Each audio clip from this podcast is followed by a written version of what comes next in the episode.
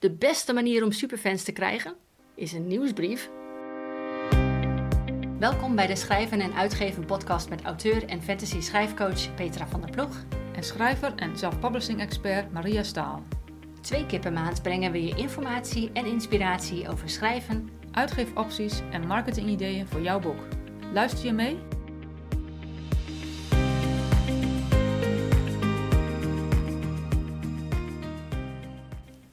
Hallo, ik ben Petra van der Ploeg en vandaag is het zondag 18 september 2022. Deze aflevering is nummer 31 van de podcast, waarin we je vertellen hoe je met een nieuwsbrief superfans creëert. Maria en ik praten onder andere over het belang van een nieuwsbrief, wat je erin zet en waarom een nieuwsbrief beter werkt dan social media om je lezers te bereiken. Veel luisterplezier.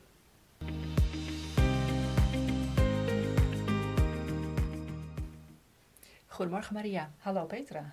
We hebben het vandaag over een onderwerp dat voor heel veel schrijvers best wel een soort controversieel iets is.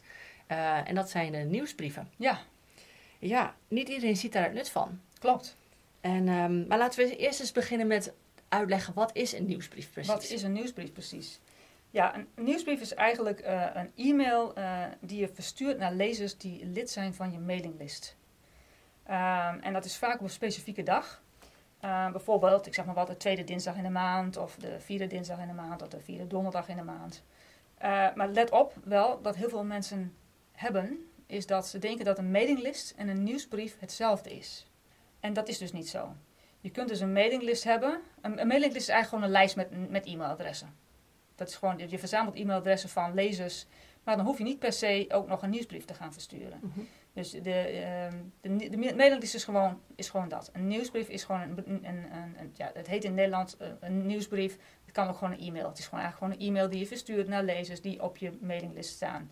Om iets over jezelf te vertellen. Of over je boek of wat dan ook. Ja. ja. En dat is dus ook waarom wij de titel van deze podcastaflevering hebben genoemd. Hoe maak je fans superfans? Ja. Een mailinglist doet dat niet. Nee. De nieuwsbrief doet het wel. Een nieuwsbrief doet dat wel, ja. ja.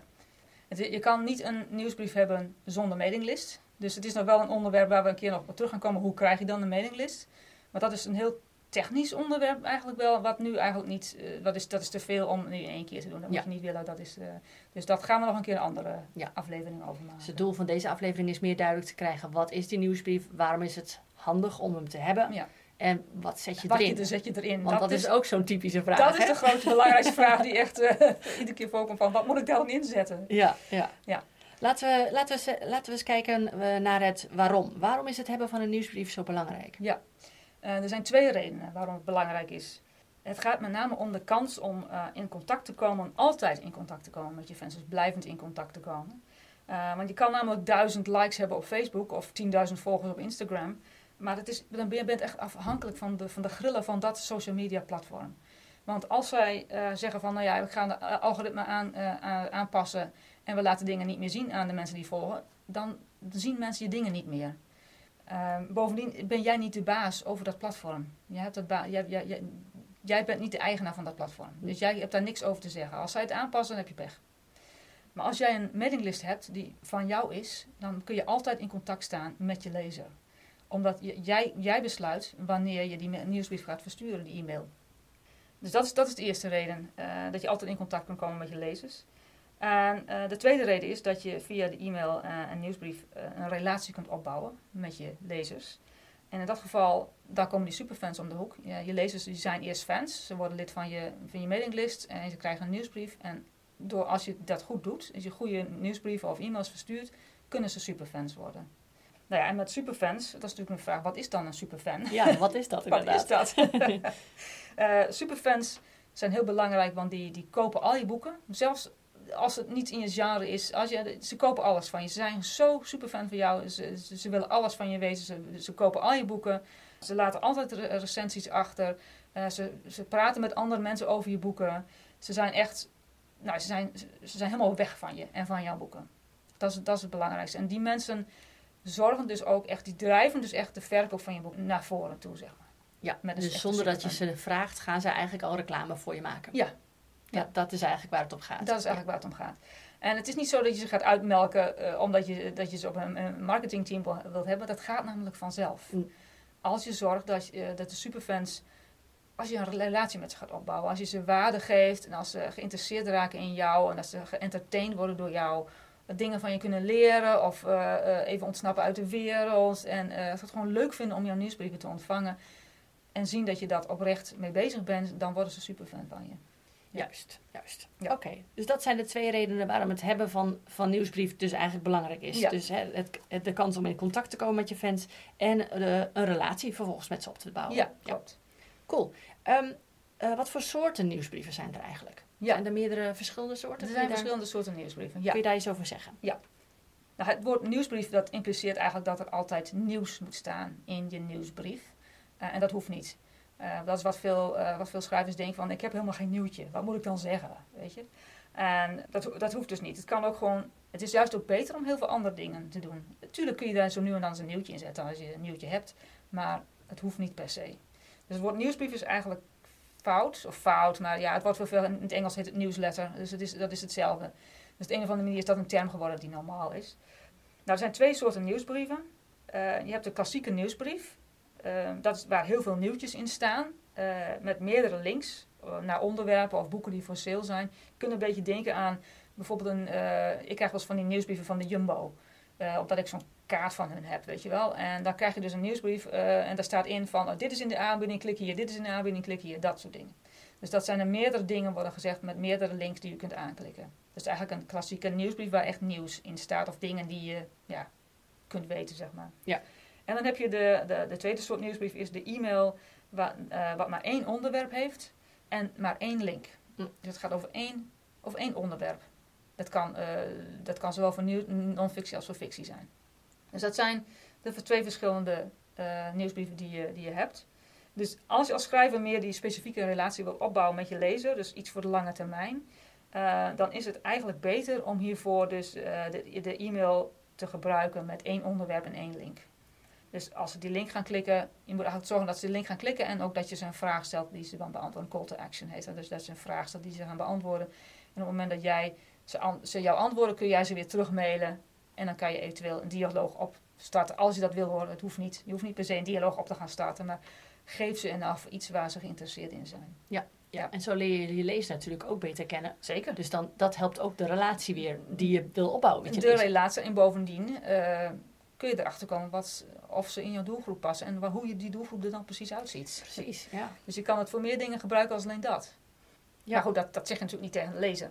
dat, dat, dat, is, dat, zijn meer, dat komt meer op de achtergrond, speelt dat mee. Ja, ja je, zei, je zei het net al even, um, um, verkoop doe je in principe niet in, de, in een nieuwsbrief. Uh, dus, maar stel je dan voor dat je zegt, nou, ik wil eigenlijk wel die afwisseling maken tussen een, een e-mail met één onderwerp en één link en die klassieke nieuwsbrief. Zou je dat aanraden? Of zou je zeggen van nee, kies één soort? Kies, kies één soort, dat is beter. Want degene die op je lijst staat, die moet eigenlijk iets kunnen verwachten. Hmm. En als je de ene keer doet, de andere keer dat. En de ene keer heb je heel veel dingen en dan, worden, dan komen ze in de war. Ze, ze, willen graag dat het zo ja, gebruikelijk mogelijk is, zeg maar. Dat, dat ze iets kunnen verwachten wat ze leuk vinden. En waar ze ook echt naar uit gaan zien. En dat ze al echt weten van, ook op die tweede dinsdag, de tweede dinsdag van de maand, ik krijg een e-mail. Oh, wat gaat erin staan? Mm. Waar, gaan ze, waar gaan ze het deze keer over hebben? Ja, ja. Wat ga ik deze keer leren? Waar, hoe, hoe, ja, dat. Ja, en dan ben je eigenlijk al wel een superfan als je echt op mailtjes gaat zitten wachten. Dan, als je echt dan ben je al een superfan. Ja. ja. En daarom is het ook belangrijk dat je die regelmaat in hebt. Dat je dat altijd op een bepaalde dag doet. Ja. ja. Maar goed, daar komen we later nog even op terug. Oké, nou, maar dan, dan zijn we eigenlijk nu aangekomen bij die ene vraag waar mensen eigenlijk altijd over vallen. Ja. Wat zet je eigenlijk in die nieuwsbrief? Ja, dat is de grote vraag. Nou ja, helaas is er geen stappenplan of lijstje uh, voor uh, om te zeggen van oké, okay, uh, ik schrijf horror, dit moet je in je nieuwsbrief zetten. Dat is heel erg jammer, maar dat is... zou zo handig zijn geweest. Maar, het zou ja. zo handig zijn geweest. Want iedere schrijver heeft namelijk unieke fans en ook unieke onderwerpen. En brengt dingen op zijn eigen manier. Iedereen is anders. Dus ja, je, je, je, moet het uitproberen om te kijken van wat gaat werken als ik iets heb uh, waar ik over wil schrijven. Uh, gaat dat resoneren bij mijn, bij mijn lezer? Gaan ze daarop reageren? Bijvoorbeeld door een link te klikken of een, een, een antwoord, je te antwoorden, e-mail te beantwoorden. vinden ze het leuk, krijg ik reacties, dan kan ik dat nog een keer gaan doen, weet je, op die manier. Maar wat vinden jouw fans nou eigenlijk leuk? Ja, hoe kom je daarachter? Ja, dat is een uitdaging. Uh, niet alleen in Nederland en België, maar wereldwijd. Als je ook op Engelstalige uh, schrijversgroepen gaat zitten, dan is altijd de vraag: Wat moet ik in mijn nieuwsbrief zetten? Uh, dat, dat blijft gewoon, Ja. dat, dat is gewoon een, dat is een uitdaging. En ik denk dat je hem zelfs nog verder kan doortrekken dan niet alleen schrijvers er last van hebben, maar eigen- eigenlijk elke ondernemer. Ja, vast. Elke ondernemer zal met een, met een nieuwsbrief denken van wat moet ik hierin zetten? Wat gaan mijn kopers, fans, wat gaan die leuk vinden? Waardoor blijven ze lid? Eh, al dat soort... Dus ik denk dat je hem heel erg breed kunt trekken. Dat klopt, dat Ja. klopt. Het is, een, het, is een, het is iets wat voor iedereen een uitdaging is. Ja, ja. En niet alleen voor schrijvers. Nou, voor non-fictieschrijvers is het wellicht wel iets makkelijker. Want non-fictieschrijvers die hebben vaak, ehm, in elk geval, ja, als je dus, die hebben een, die hebben een oplossing voor een probleem. Hm. Je wil bijvoorbeeld afvallen. Of je wil, ehm, nou ik zeg maar wat, eh, wandelen in de Ardennen. Ja, of vegan gaan eten. Of vegan gaan eten, whatever. Ja, dat is zijn, je hebt een probleem. En daar heb jij, eh, die, die lezers die, die, die hebben dat probleem en jij hebt het antwoord. Dus vaak hebben eh, mensen die non-fictie schrijven daar ook al eh, een blog over of een podcast, hè, wat wij eigenlijk hebben. hè, die, heb, die, die, die doen al iets. En die kunnen dat met een, de nieuwsbrief die ze versturen, kunnen ze daar een onderwerp uitpikken. eh, om daar eens iets met, in met wat meer diepgang over te hebben. Dus dat, dat is al, dat, dat, dat is een, we willen niet- nog niet zeggen dat het makkelijker is, want dat, het, blijft, het blijft lastig. Met name om ook eh, reacties te krijgen. Hoe krijg je dan reacties? Hoe zorg je dat mensen op de link klikken? Want dat is wel belangrijk.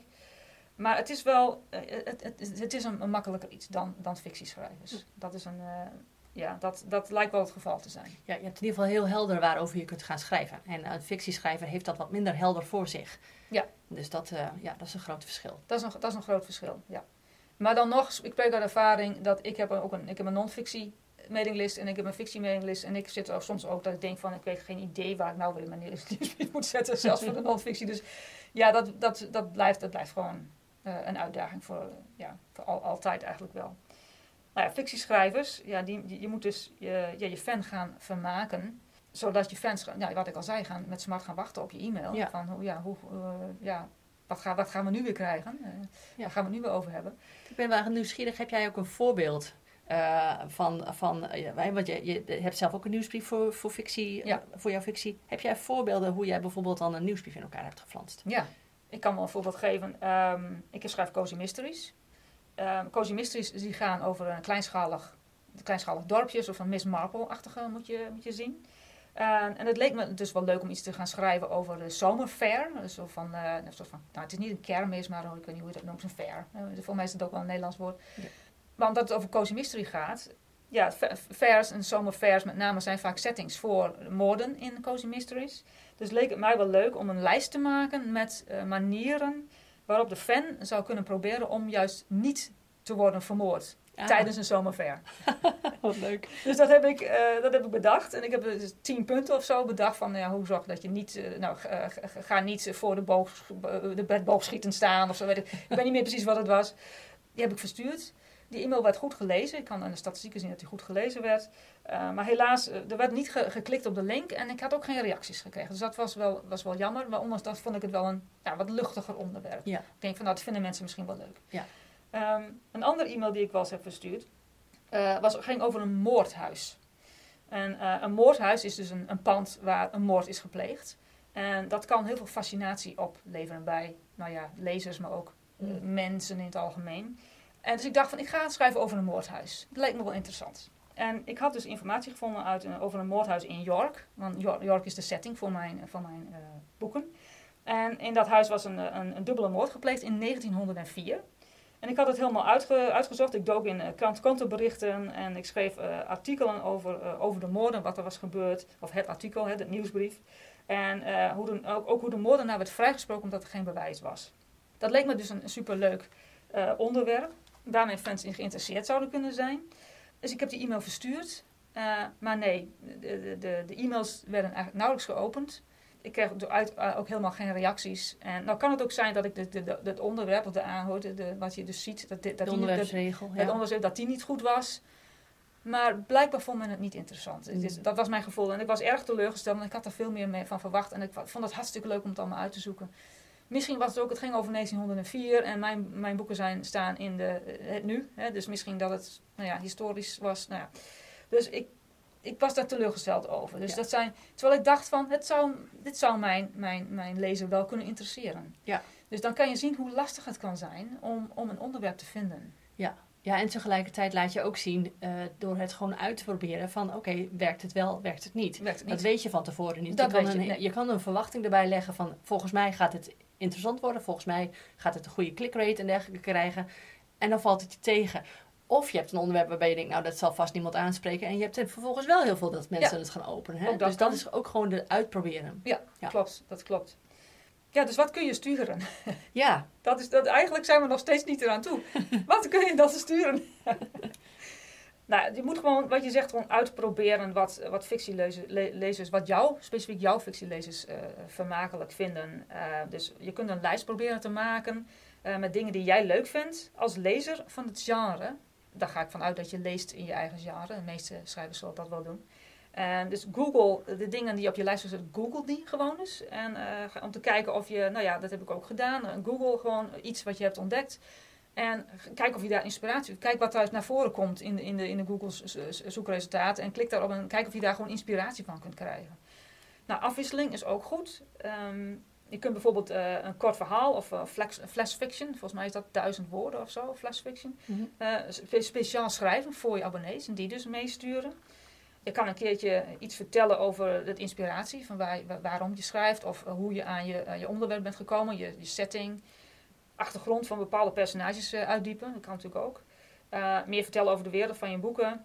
Of eh, schrijf een keer een e-mail uit naam van een hoofdpersoon. Hm. Misschien is dat ook wel een leuk idee. ja, als jij een hele goede schurk hebt en die schrijft dan even een nieuwsbrief. Precies. Dat zou wel heel interessant kunnen zijn. Dat zou interessant Ja. kunnen zijn. Ja. Het, is, het, het blijft het uitproberen. En, maar zorg dat het ook verrassend blijft. En niet elke keer zeg van oké, ik ga elke keer een flash fiction verhaal schrijven. Persoonlijk zou ik dat, dan heb ik zoiets van, nou ja, hmm, als lezer zou ik zeggen, nou, ik wil ook wel eens iets anders horen van deze persoon. Ja. Dus ga dat afwisselen. Ja. En, en ga kijken wat werkt. En probeer verschillende dingen uit. En zorg dat je dus de statistieken bijhoudt om te kijken, eh, dat, dat, zodat je kunt zien wat de reacties zijn.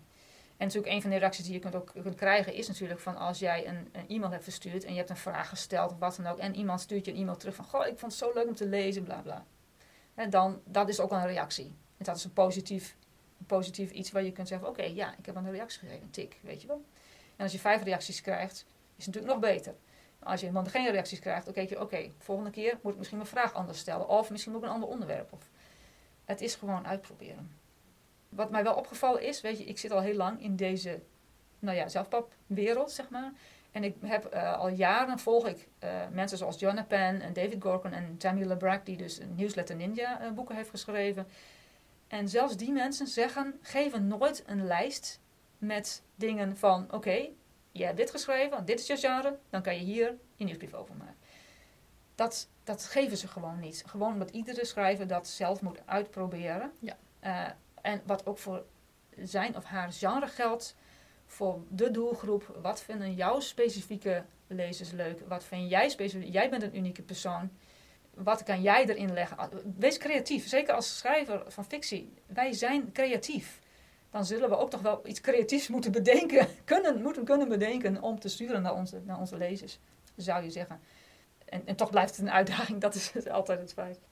Ja, en, en ik denk ook dat als jij. ehm, eh, ja, je hebt net een nieuw boek geschreven en je wil daar toch wat aandacht aan geven. Eh, Je zei net al, al wat eerder, zei je al, ja, je, verkoop doe je eigenlijk, hè, dat doe je niet echt in je nieuwsbrief. Nee.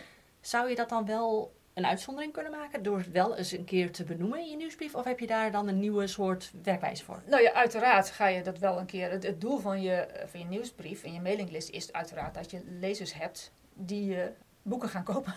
Want uiteraard is daar, is daar, wil je die mensen kunnen bereiken op het moment dat je een nieuw boek gaat uitgeven. Het is wel belangrijk dat je daar niet je reguliere nieuwsbrief tijd voor gebruikt. Dus stel dat je, ik zeg maar wat, elke tweede dinsdag in de maand een nieuwsbrief verstuurt. Ga dan niet die, die, dat moment gebruiken om je reclame te maken. Want op dat moment verwacht men vermaak. Het is, het is eigenlijk geef, geef, geef. Je geeft hun, je geeft hun, je geeft hun. En dan kan je een keer iets nemen. En dat Mm. nemen is, ik heb een nieuw boek gekocht, koop het. Dat, is, dat is het nemen, want dan vraag je iets van hun. En anders, je geeft altijd maar wat. Je geeft hun vermaak, je geeft hun dingen die ze leuk vinden. En, en, maar je verwacht eigenlijk niks terug. Dat is het belangrijkste. Je verwacht niks terug. Maar uiteraard zijn er momenten dat je wel wat terug verwacht. Want jij wil natuurlijk dat boek verkopen. Ja. Dat is logisch. Doe dat dus niet op het moment dat je een reguliere, reguliere nieuwsbrief verstuurt. Op dat moment, maar doe het op een ander moment.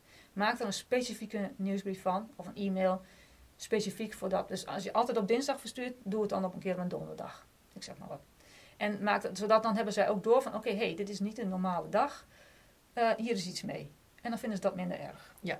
Zou je in, je in jouw dinsdag nieuwsbrief wel iets kunnen zeggen over je proces dat je aan het schrijven bent, bijvoorbeeld met een nieuw boek? Dat zou je bijvoorbeeld wel, wel Uiteraard, kunnen ja, uiteraard. doen. Ehm, maar niet de letterlijke link, koop hier mijn boek. Nee, Dat, dat zou je dus op een andere manier Dat zou ik op een ander moment doen. Dus eh, je kunt er wel naar, naartoe bouwen, zeg maar, met een soort van launch ehm, mailing, mailing of zoiets. Dat je twee of drie eh, e-mails achter elkaar doet, of, of vaker. Maar eh, doe dat niet op de dag dat, dat lezers jou gewoon een reguliere nieuwsbrief verwachten. Want dan, dan ga je dat door elkaar halen. En dan, eh, ja, dat, dan, zijn ze, dan hebben ze zoiets van, nou ja, moet, dit, dit wil ik niet, oké, uitschrijven. Ja, ja. Het is, en dat wil je dus niet. Tenzij, ze- ja, uitschrijvingen zijn niet erg trouwens, die komen, je hebt altijd uitschrijvingen. Als je een nieuwsbrief verstuurt, krijg je altijd iemand die zich uitschrijft. Dat moet je niet zien als een failure, als, een, als een, eh, iets wat fout is gegaan. Dat moet je gewoon zien van, oké, ik ben jou liever kwijt dan rijk. Ja. Want als jij niet geïnteresseerd bent, dan ga jij mijn, mijn nieuwsbrieven niet meer openen. En je gaat nergens op klikken. Dan haal je alleen maar mijn statistieken negatief naar beneden. En als je statistieken negatief naar beneden gaan, gaat Google jou zien als spam. Hmm. Dus die mensen wil je, de- je bent ze liever kwijt als rijk. Dus dat is, dat, is, dat, is een, dat is heel lastig, want ik heb altijd nog, als ik een nieuwsbrief verstuur en ik krijg weer uitschrijven, dan denk ik van, "Ah, waarom schrijven ze zich uit? maar dan denk ik van, nee, die mensen zijn dus blijkbaar niet mijn doelgroep klaar. Ja. Dus dat, is een, dat kun je in, in de gaten houden.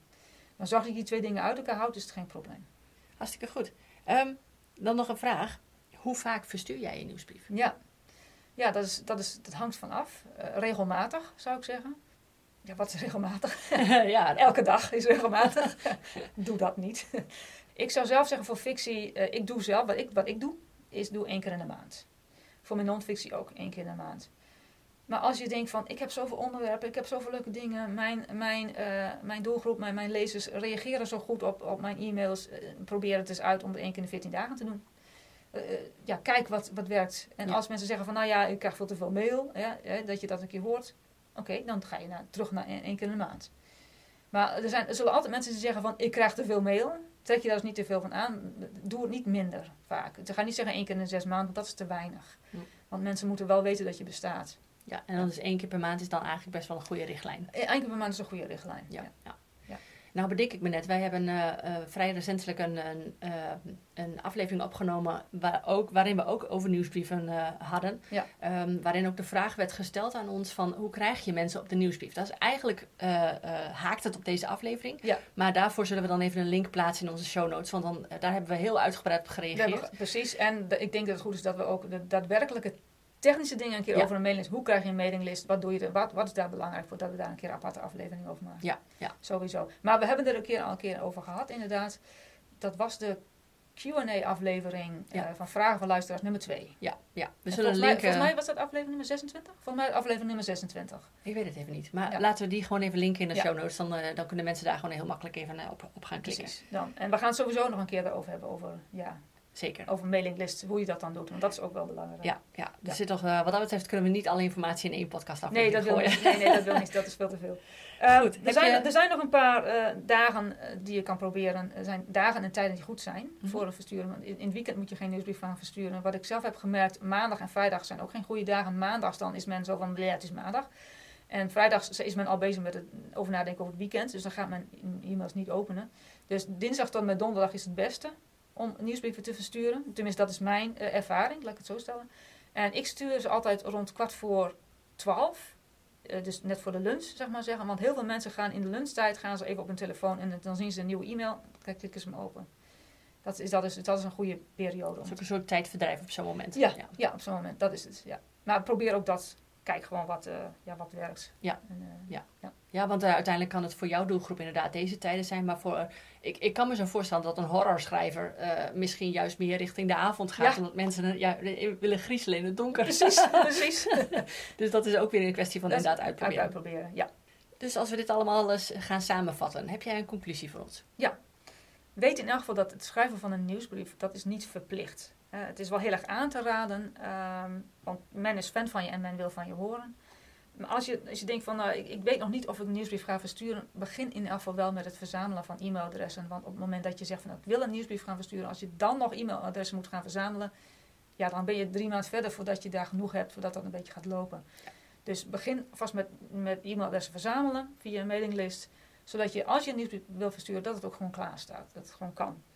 Nou, en probeer, uh, heb niet te, te hoge verwachtingen uh, van alles. Want dingen, je zult misschien teleurstellen zoals ik was met mijn, met mijn nieuwsbrief over de, het moordhuis. Dus dingen, soms, soms gaan dingen lopen niet zoals het gaat. Hm. En dat geeft ook niks. Daar kun je namelijk van leren. En je kunt andere dingen gaan proberen. Ja, het is heel, heel vaak, het is ook heel menselijk als jij heel veel tijd stopt in iets uh, en in, dan ga je verwachtingen automatisch omhoog. Dat kan haast niet anders. Het is heel menselijk. Ja. Alleen je, je wil het zien als een testfase. Je wil kijken van gaat dit onderwerp aanspreken. En dus ah, probeer die verwachtingen daarin te temperen. Dat, ze dus niet, uh, dat je niet verwacht dat het dus 100% geopend wordt. 100% op, op een link. Uh, wat, zijn, wat zijn een beetje de normale cijfers? Normale open rate, als je een, een, een goede open rate is 25%. Ah, kun je nagaan. 1 op de 4 dus. 1 op de 4. Ja. Dan doe je het dus goed. Dan doe je het goed, ja. En dat klinkt heel weinig, maar dan doe je het goed. Ja, ja. Oké, verwachtingen bijtemperen. En uh, verder nog iets? Nou ja, ik, ik, ik, weet dat er zijn heel veel schrijvers die wel degelijk uh, succes hebben uh, met het en, en, en, een goed schrijfcarrière, al dan niet fulltime, hebben opgebouwd door, door een, een, nieuwsbrief te hebben met hun fans en de relatie met hun fans. Dus het kan, het kan. houd het in de gaten, het kan. Er zijn mensen die ons voor zijn gegaan en die het echt is gelukt. Dus waarom zou jij dat dan niet kunnen? En ga, gewoon veel uitproberen en, ontdekt, en probeer te ontdekken wat, ja, wat werkt voor jouw fan. Ja, ja. En uh, ook hierin uh, met heel veel verschillende onderwerpen kun je dit aanhouden. Is ga het wiel niet opnieuw uitvinden. Ga gewoon zelf ook lid worden van nieuwsbrieven van andere schrijvers. Zeker. en, en put inspiratie uit hun nieuwsbrieven. Ja. Waar hebben zij het over? Wat, wat vind ik zelf interessant als lezer van die nieuwsbrief? En kan ik dat ook inzetten voor mijn eigen Precies. Ga gewoon kijken. Afkijken is het verkeerd woord. Maar inspiratie. Ja. Haal inspiratie uit andere nieuwsbrieven die in jouw jaren zijn. En ga die gewoon lezen, word gewoon lid van. Uh, misschien ben je dat al wel, uh, maar uh, kijk daar gewoon naar. Kijk van, nou, dit vind ik leuk. Wat deze persoon, dit is leuk wat deze persoon heeft gemaakt. En dit vind ik helemaal niks. Nou, dan weet je dat ook. Ja. ja. Nou, mooie, mooie afsluiting, dacht ik ja, zo. prima. Dank je voor het gesprek. Graag gedaan.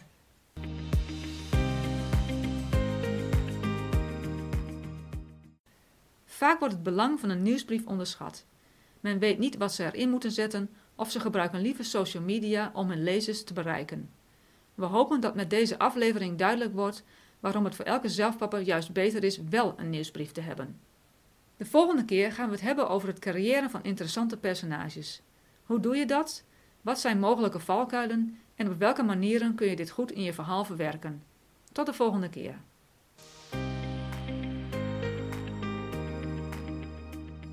Bedankt voor het luisteren. We hopen dat je het leerzaam vond. Meer informatie en inspiratie over schrijven, uitgeven en marketing vind je op onze website schrijvenenuitgeven.nl. Hier vind je ook de show notes en de links naar eerdere afleveringen. Heb je een vraag of idee voor een volgend onderwerp? Stuur ons dan een berichtje. We horen graag van je. Tot de volgende keer.